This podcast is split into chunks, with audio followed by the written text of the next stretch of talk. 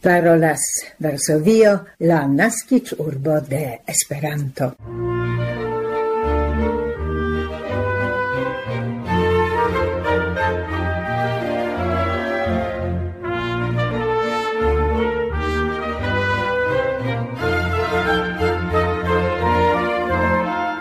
Carei auscultantoi, coran saluton, sabate la dec quinan de octobro du mil dudec du.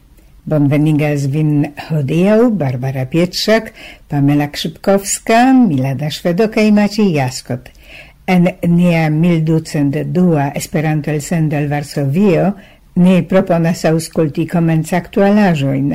Nia scienza temo estas dedicita al polaj esploroj pri la fenomeno FOMO, la timo esti rete malkonektita.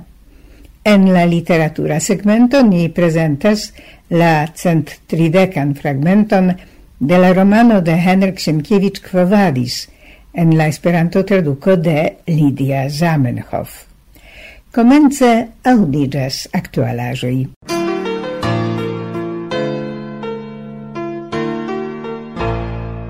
Kiel rezultas el esploroj de la agentejo Inquire kiu de marto sequas la sintenoin de poloi en la contexto de economia situatio cun aparta considero de preso cresco de nutraĵproduktoj en augusto la agordoi de poloi iom pliboniĝis sed daure pli ol 80% notas la crescon de la presoi ancau concerne energion cae gason, logeiain lucostoin cae gastronomiain servoin. La oficialai donitajoi estas emfazaj. En septembro la presoi estis meseie 1,6% pli altai ol en augusto, kaj je 17,2% pli altai ol en septembro 2021.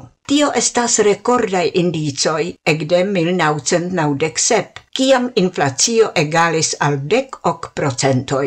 Prescau unu triono de poloi sparas ciu ocase, pli ol ogdec procentoi assertas che la presoi de productoi cae servoi crescos. Ne tranquilligas ilin publicae declaroi de politicistoi che la daura preso cresco estas neevitebla.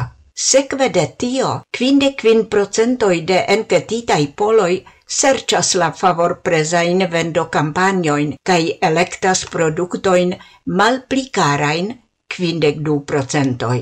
Quardec du procentoj buticumas en vendeioi cun malaltai presoi. Por solvi la economiain problemoin, presca unu triono de poloi unuavice resignas pri distro cae visito ce frisisto, cosmeticistino au vestaslaveioi. Oni malplej multe sparas, se temas pri educado, transporto, heimai chemiajoi kaj medicamentoi. Poloi ligas la ekonomian situacion en la lando unuavice kun la presoi de fueloi, energio kaj kun internazia situacio. Tamen ili samtempe rimarcas la malhonestan konduton de produktantoj kaj vendejoj, kiuj utiligas la situacion inflacion por altigi siain profitoin. La polai consumantoi ecde marto 2022 ciam malpli bone taxas la contrau inflaciain agadoin de la registaro.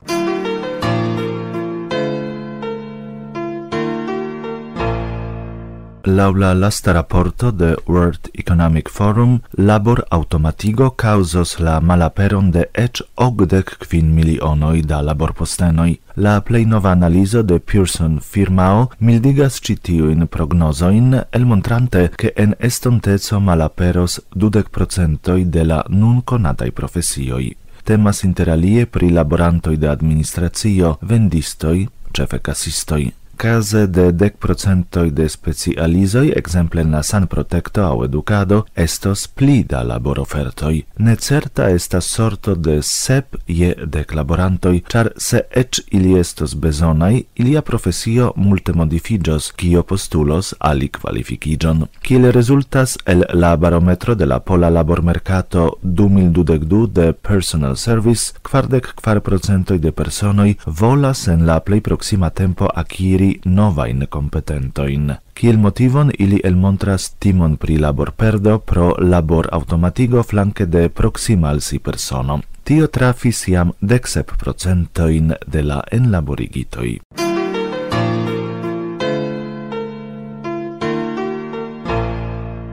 La unuan de oktobro pasis internacia tago de vegetarismo. La unuan fojon ĝi okazis en Usono en 1977, la sekvan jaron aprobis ĝin Internacia Vegetarana Unio.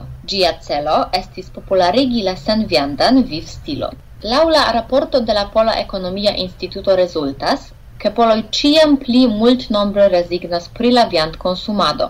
En 2014, laŭ la esploroj de Cebos Instituto, nur 1% da poloi deklaris sin vegetarai. En 2019 la vegetaran aŭ veganan dieton praktikis 8,4% da poloj. Kiel atentigis Pola Ekonomia Instituto en sia raporto en 2021, Tiu cresco tendenzon influas la sinteno de iuna generazio.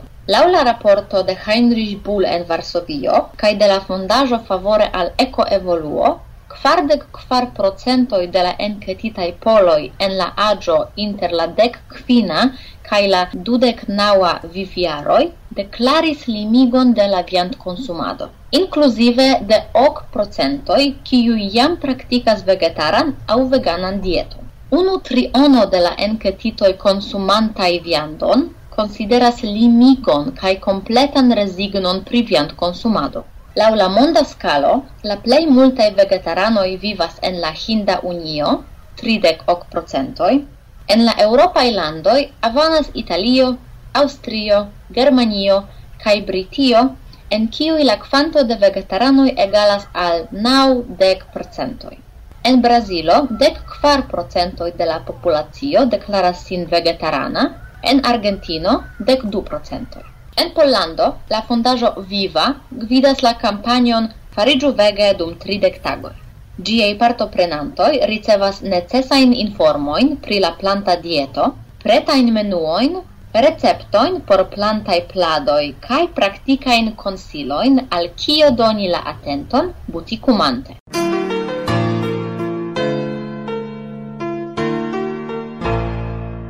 Varsovio daurigas la Esperanto-elsendon.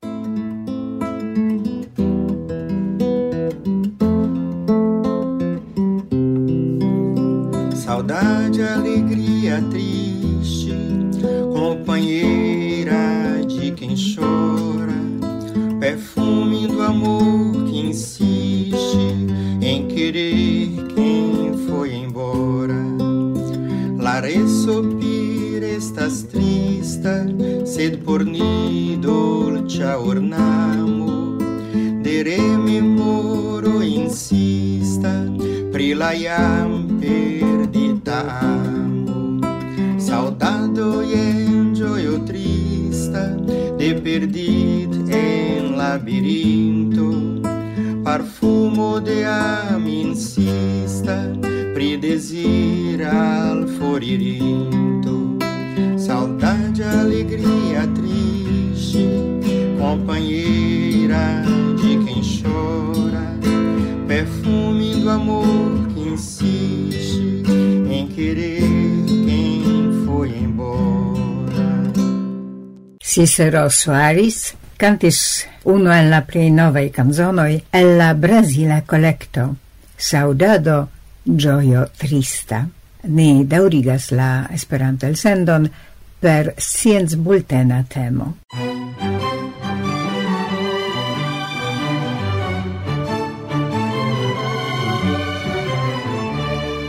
FOMO fear of missing out, do timo estis rete malconnectita estas ciam pli ofta. Tial la Pola Nacia Esplor Instituto lancis educ campanion, kadre de kio oni planas prezenti dum kvin semajnoj rete kaj en sociaj portaloj mallongajn educ filmoin. La unue lili FOMO, miai conatoi amusigas sen mi, presentas reagon de personoi kiui karakterizas alt grada timo pri reta malconecto en la situazio kiam iliai conatoi pasigas tempon sen ili. La campanio basigas sur la rapporto FOMO 2021, poloi cae timo pri reta malconecto dum la pandemio realigita de NASC, la Varsovia Universitato, cae la tutlanda esplor platformo Ariadna, gine lasas duboin che crescis procento de personoi cun citiui simptomoi. Poloi frontas troan chargion per informoi venantai el la reto. Crescas ilia engagigio en la sociei portaloi.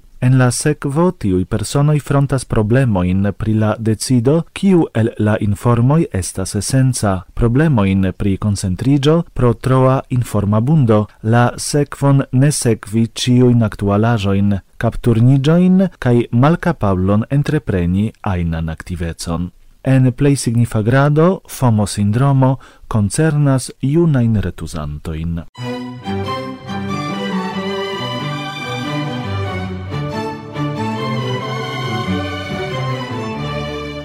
Ni daurigas la programon de la Polare Tradio.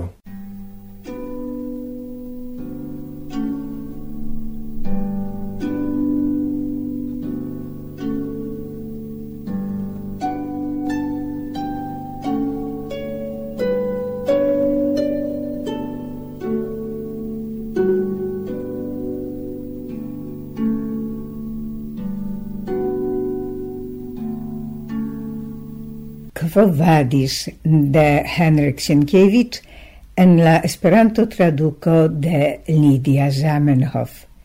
La cent trideca fragmento. Post la spectaclo en la Cesarei Giardenoi la maliberaioi multe malplenigis. Oni captadis ancora vere cae maliberigadis personoin suspectatain pri la confessado de la orienta supersticaro, sed la chasoi provisadis ciam mal pli multe da ili, apenaŭ tiom, ciam oni besonis por plenigi la postajn spectacloin, ciui ancau estis jam venantei alla fino. La popolo trosata de sango elmontradis ciam pli grandan enuemon, cae ciam pli grandan maltranquilon pro la sen exempla gis nun sintenado de la condamnitoi. En la amasoi oni racontis al si reciproce ciam pli strangain aferoin pri vengemo de la cristana dio. La malliberea tifo, ciu disfastiris en la urbo, pli grandigis la general antimon. Oni vidadis oftein enterigoin cae ripetadis al si reciprocen laureloin, che necessei estas novae piacula por elpeti pardonon de la neconata Dio. Fine malgrau ciui penoi de Tigalinus cae liei partianoi disfastigiadis ciam pli la convinco che la urbo estis bruligita lau la ordono de la Cesaro, cae che la cristanoi suferas sen culpe. Sed giuste tial, same nero, kiel Tigalinus, daurigis sen lace la persecutadon, Por tranquilligi la popolon oni faris novain disponoin pri la disdonado de greno, vino kaj olivoleo. Oni annoncis reguloin faciligantein la reconstruadon de la domoi, cae plenain de consideroi por la posedantoi, cae aliein concernantein la larĝecon de la stratoi cae materialoin, el cui oni devas construi, por estonte eviti la catastrofon de brulo. La Cesaro mem partoprenadis la considoin de la Senato, che consilis, cune cun la patroi, pri la bono de la popolo cae urbo. Al flanque tamen et ombro de favoro ne falis sur la condamnitoin. La reganto de la mondo, desirisante ucio, inspiri alla popolo la convincon, che tiel sen indulgei punoi povas trafi nur culpuloin. Ancau en la Senato neniu vocio ecpledis pro la cristanoi, char neniu volis riski malfavoron de la Cesaro, cae crom tio la homoi cies rigardo iris pli foren en la estontezon, assertis che contra la nova credo la fundamentoi de la Romia regno ne povus resti sen detrue. Oni redonadis alla familioi nur agoneantoin au mortintoin, cer la Romia legio ne vengis contra mortintoi. Por Venitius certan consolon presentis la penso che se Ligia mortos, li enterigos sin en la familia tombaro, cae mem kuŝos apud ŝi. Li havis jam nenian esperon savi ŝin de la morto. Kaj mem, duone forierinta de la vivo, dronanta entute en Cristo, li ne revis plu pri alia cunigio ol la eterna. Lia credo iris simple sen funda, tiel che pro citiu eternezzo shainis a li io sen compare pli reala, cae pli vera ol la passema existado per ciu li vivis dis nun. Lia coro plen plenigis per concentrite extaso.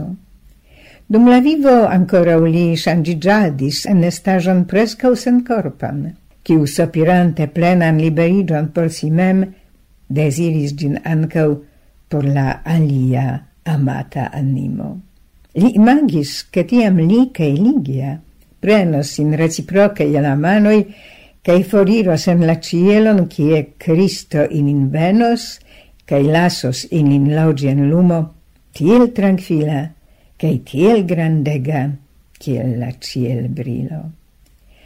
Li nur petegis Christon, che li sparu alligia la circanturmenton, cae lasu sin endormigi tranquilla in la mallibereio, char li sentis kun plena certezzo che li mem ancau mortos con si. Li credis che contra citiu maro da elversita sango li ne raitas ec esperi che si sola estos savita. Li audis de Petro cae Paulon che ancau ili devas morti kiel martiroi. La vido de Hilo sur la cruzo convincis lin che morto, ec martira, povas esti dolĉa. Do li deziris jam, ke diveno al ili ambaŭ, kiel la sopirata ŝanĝo de malbona, malgaja kaj malfeliĉa sorto en la pli bonan. Ia foie li antaŭgustadis jam la transmondan vivon, tiu malgioio, kiu ŝvebis super ambaŭ animoi, per perdadis ciam pli la iaman brulantan maldolcezon, cae iom post iom shanggiadis sin en ian transmondan tranquillan sin confidon alla diavolo. Vinicius antaue nadis penege contra la fluo, baractis cae suferis. Nun li donis sin alla ondo credante, che gi portos lin en la eternan tranquillon. Li divenis ancau che li giasame kiel ni pretiras alla morto, che malgrau la dividantai ilin malibereei muregoi, iliam iras cune, cae ni ridetis al citiu penso, kiel al felicio. Cae effective, ili iris tiel harmonie, quasau de longe ciutage ili estus dividantei siain pensoin. En Lingia estis ancau neniei desiroi cae nenia espero, crom la transmonda vivo. La morto presenti sin al si ne nur kiel liberigio el la terurei, ma libereiei muregoi, el la manoi de la Cesaro cae de Tigalinus, sed ancau kiel la tempo de gezigio cun Vinicius. Contra ucitiu nescuebla certezo, cio alia perdis la signifon. Post la morto devis comencigi por si felicio et cetera. Do si attendis gin ancau tiel, kiel fiancina attendas la esiniran momenton. Cai citiu senlima torrento da credo, kiu forsiradis de la vivo cae portis trans la tombon miloin da unuei confessantoi, ec captis ancau Ursuson. Li ancau longe ne volis consenti en la coro la morton de Ligia, sed ciam ciutage tras la maliberea in muregoin penetradis la famoi pretio, cio casas en la amfiteatroi cae giardenoi, ciam la morto scenis comuna nevitebla sorto de ciui cristianoi, cae samtempe ilia felicio supera olcia mortema ideo pri felicio ancau lii ne curagis fine pregi al Cristo che li senigu ligian de citiu felicio cae procrastu gin por longe iarui. En sia simple animo de barbaro li pensis crome che la filino de la liga cefo havas pli grande in raitoin che ricevos pli multe alla cielai giuoi o la tuta amaso da simpluloi al cui anche li mem appartenis cae can la terna gloro si sidos pli proxime alla shafido ol aliei. Li audis vere che antau Dio la homo estas egalai, sed alla fundo de lia animo crocis sintamen la convinco che la filino de cefo, plie de la cefo de ciui ligoi, estas iu alia ol iu ain sclavino. Li esperis ancau che Cristo permessos se li servi sin plue. Concerne sin mem, li havis nur unu cascitan desiron, nome che li povu morti tiel, tiel la safido sur cruzo.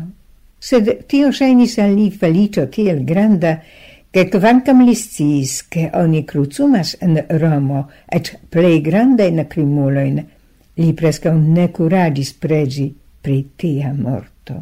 Li supposis, che certe oni igos lin perei de la dentegoi de sovagei bestoi, cae citio presentis lian internan zorgon.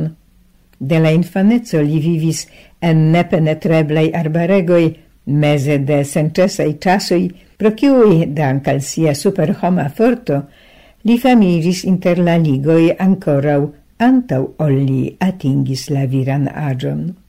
La tasoi presentis lian occupon tiel ŝatatan, che poste ciam li estis en Romo kaj devis ilin resigni, li visitadis besteioin cae amfiteatron por almenau rigardi la conatain al si cae neconatain bestoin.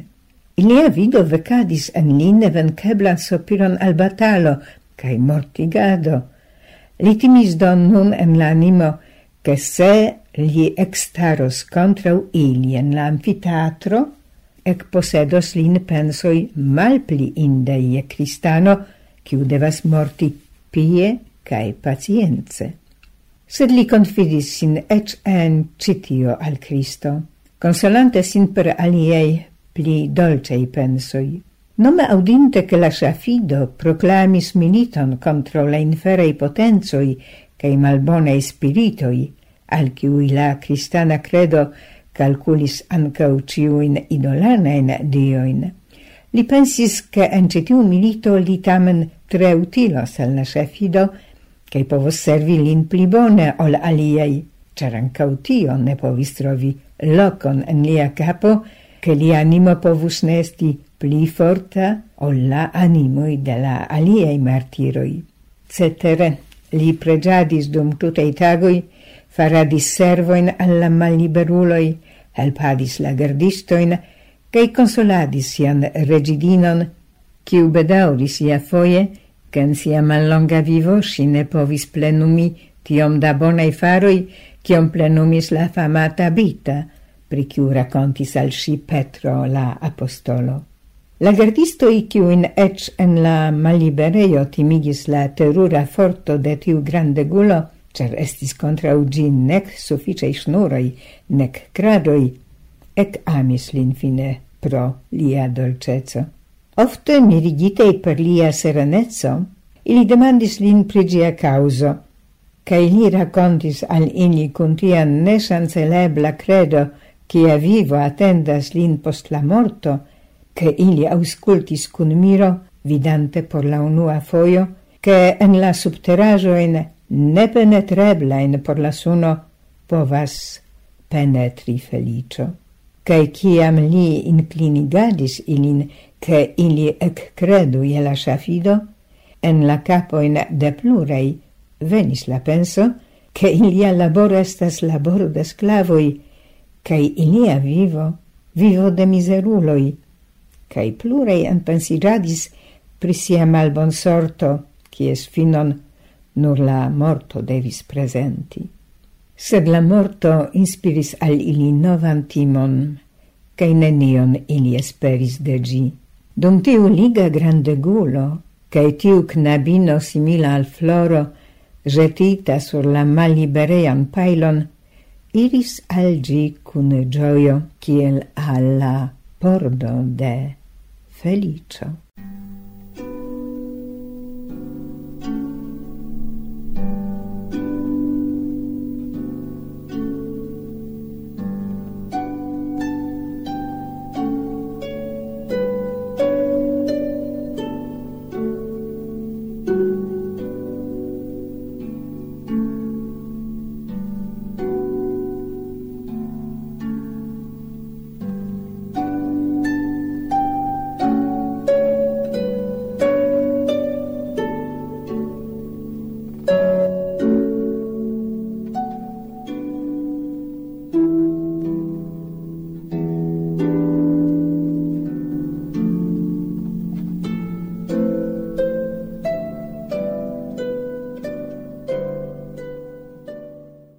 Kvardecent-trideka fragmento de la romano Quo Vadis de la pola Nobel-premito Henrik Sienkiewicz en la Esperanto-traduko de Lidia Zamenhof finas nian hodiauan Esperanto-elsendon el Varsovio.